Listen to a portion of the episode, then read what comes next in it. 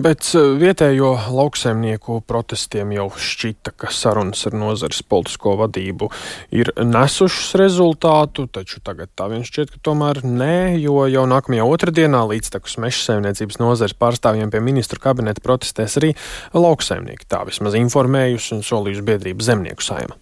Nu, kādēļ eh, vienoties ar lauksaimniekiem neizdodas un kādas ir meža saimnieku iebildes to un arī citus aktuālos jautājumus vajadzēsim Zaļo un Zemnieku savienību pārstāvošajam zemkopības ministram Armandam Krauzam, kurš pievienojies mums studijā. Labrīt! Labrīt! Tātad otrdien pie ministru kabineta protestēs meža saimniecības pārstāvji. Viņiem nolēma pievienoties arī lauksaimnieki. Varbūt sākumā par to, ar ko nespējāt vienoties sarunās ar lauksaimniekiem, jo tās jau tomēr noti, risinās pāris nedēļas. Jā, nu, attiecībā uz šīm prasībām, ko lauksaimnieki izvirzīja pirmā reize, tur bija tādi pieci lieli nu, punkti. Eh, kas ir gan importa aizliegums, kas ir izdarīts, gan PVN eh, samazinātais, ko tagad nevar izdarīt, kas ir budžeta jautājums, eh, gan, piemēram, apdrošināšana plašāk, kredītprocentu, kas ir izdarīts. Un, un, un, un, un pēdējais tāds būtiskais moments bija attiecībā uz dažādiem apgrūtinājumiem, kas ir saistīti ar biotopiem, ar dabas aizsardzību ne tikai. Ja. Un, un šis pēdējais punkts nav tikai zemkopības ministrijas kompetencija, tas ir plašāks. Pirmkārt, šīs prasības ļoti daudzos gadījumos izriet arī no dažādām mūsu saistībām, ko mēs esam uzņēmušies Eiropas Savienības līmenī. Nu, kaut vai runājot par par šo ilgadīgo zālāju saglabāšanu, kas nav dabīgās pļaus, kas ir ilgadīgie zālē, kur notiek ražošana, kuras pārsēja ik pa brīdim. Tad uh, mēs ļoti veiksmīgi esam uzsākuši debati Briselē. Mūs atbalsta daudzas valstis uh, tieši ar pamataktu atvēršanu, kur varētu grozīt uh, nu, vairākas no šīm prasībām, jo katrai valstī ir kāda, kāda prasība, kas būtiski ietekmētu to ražošanu. Un arī komisārs ir solījis, ka šis pamatakts tiks atvērts, bet nu, jāatcerās, ka tad, tad, pamata regula nav grozām tikai ar komisijas lēmumu. Tur arī jāiesaist parlaments. Parlamentam tūlīt būs vēlēšanas. Tā kā uh, ir uh, process, kurus mēs vienkārši no Latvijas nevaram ietekmēt. Bet tas, ko mēs šaimnieki saka un kur no, noteikti mēs varam runāt, tas ir par šīm kompensācijām tajā gadījumā. Un es teiktu, godīgu kompensāciju, kad uh, sabiedrības valsts interesēs tiek apgrūtināts jūsu privātais īpašums un pasakiet, jūs neko ar viņu darīt nevariet, jo tur ir reta puķa, rets putns. Un, uh, dažreiz tāds meža īpašums varētu maksāt desmitiem tūkstošu eiro, bet cilvēks saņem beigās tikai kompensāciju 190. Tad sanāk ar meža saimniekiem principā tā viņu iebildi jums ir saprotama un jūs varētu teikt, nu esat gatavs sadarboties un to risināt. Tad kāpēc viņi ies protestēt, jums ir skaidrs? E, nu, pirmkārt, tāpēc, ka tas nav tikai zemkopības ministrijas jautājums, te ir tā situācija, ka, protams, ka attiecībā uz vidas aizsardzību un dabas aizsardzību ļoti būtiska loma ir vidas un reģionālā reģionālās attīstības ministrijai. Arī šobrīd eh, ir informatīvais ziņojums saskaņošanas procesā par šo te biotopiem dabas skaitīšanu. Un, un, tad, tad, ja es varētu viens pats pieņemt lēmumu un arī atrast budžetā tādu naudu, kas, kas varētu nokompensēt visu šo, tad, protams, ka turpmākas sarunas nebūtu vajadzīgas. Bet, tāpēc arī es saprotu, lauksaimnieki nav pie zemkopības ministrijas, bet ir pie ministra kabineta. Un šis jautājums tiešām jārisina plašāk.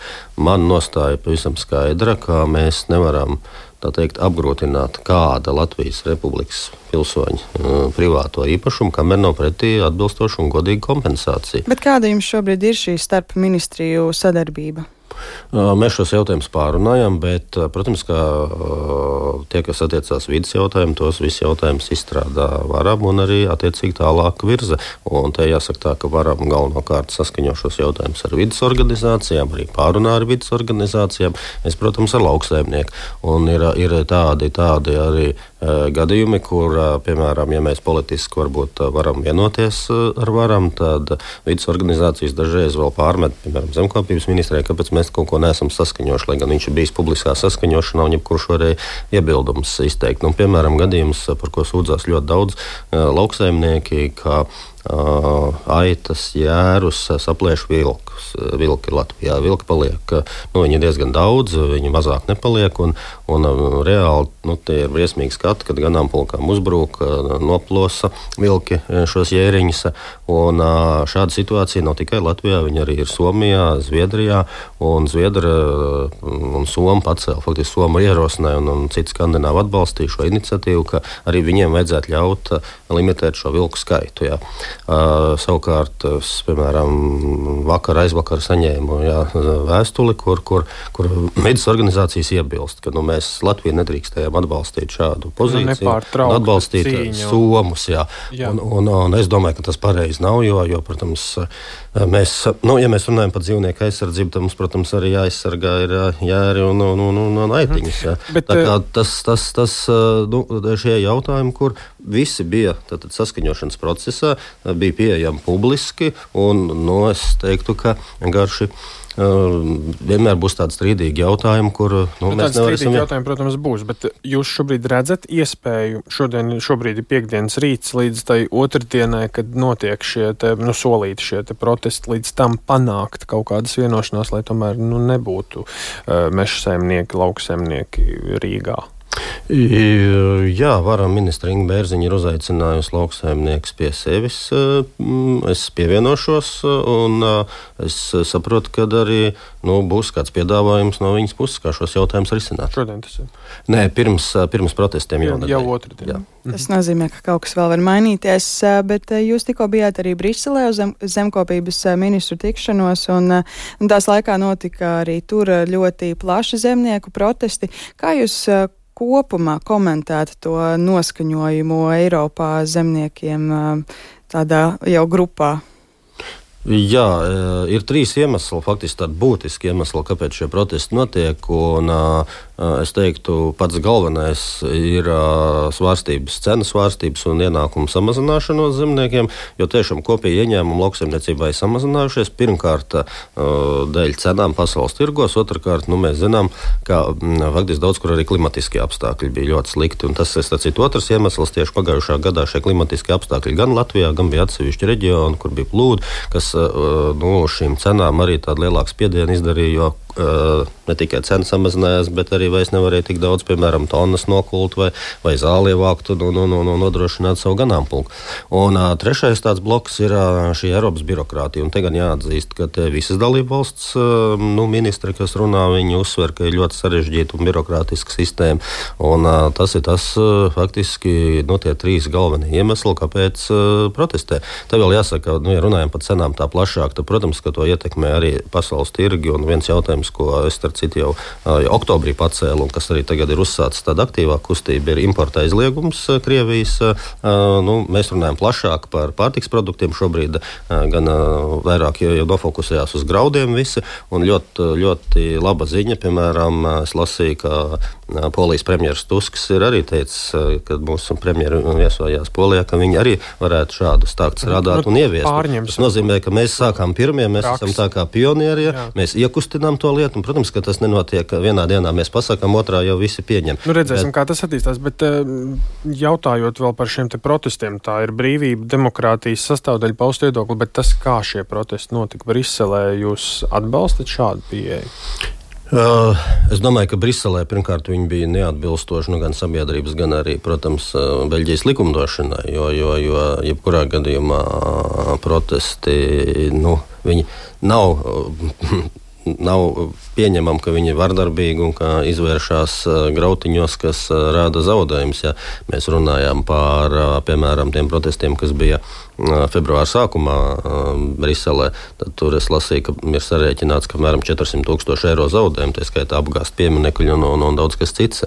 Es domāju, ka protesti ir no, laba demokrātijas sastāvdaļa. Protesti liek domāt politiķiem, tā skaitā Briseles politiķiem un Briseles ierēģiem savādāk. Un, un te jāsaka, nu, attiecībā uz šo paldies visiem protestētājiem Eiropā, jo es tiešām redzu, ka komisija ir palikusi daudz, daudz elastīgāka. Viņi, viņi, kā jau minēju, viņi gatavi atvērt pamatakts, viņi gatavi mainīt regulas. Līdz tam bija tā, ka Latvijas pozīcijas bija stingra. No atsevišķos jautājumos mēs prasām, ka tas ir jādara, un no komisijas bija atbilde, nē, to nevar darīt. Tagad, kad ir šie protesti, plus ir dalība neatbalsta arī vienotas spiediens, komisija nu, pēkšņi saka, ka viņi var. Tas ir pozitīvais. Bet, protams, ka šāda vardarbība nu, es nekādā gadījumā neatbalstu. Arī nu, uh. -huh.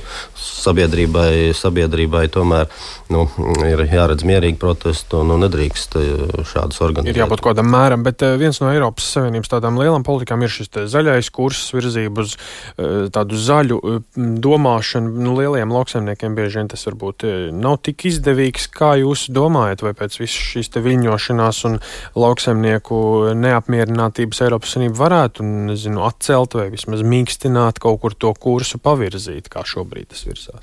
Es domāju, ka mums ir ļoti stingri jāiezīmē robeža. Mēs, protams, attiecībā uz dabas aizsardzību mēs saprotam, ka daba ir jāaizsargā.